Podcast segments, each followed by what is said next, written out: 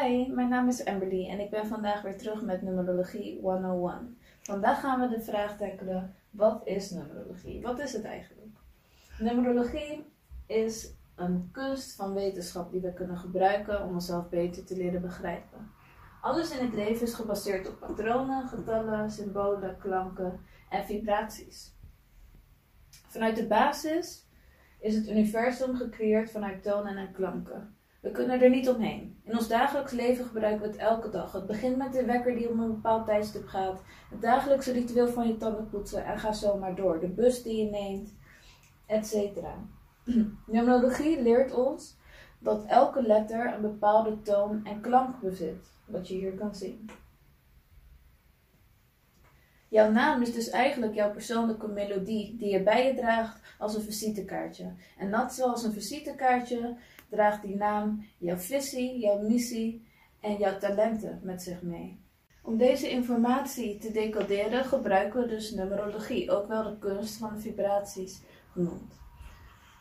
Getallen zijn een weerspiegeling van onszelf. Je hebt een hoge vibratie en een lage vibratie, een positieve kant en een negatieve kant in een getal. Deze numerologie stelt ons dus bloot aan onze innerlijke potentie, onze sterkste punten en onze zwakste punten, ons menselijk wezen en spiritueel wezen.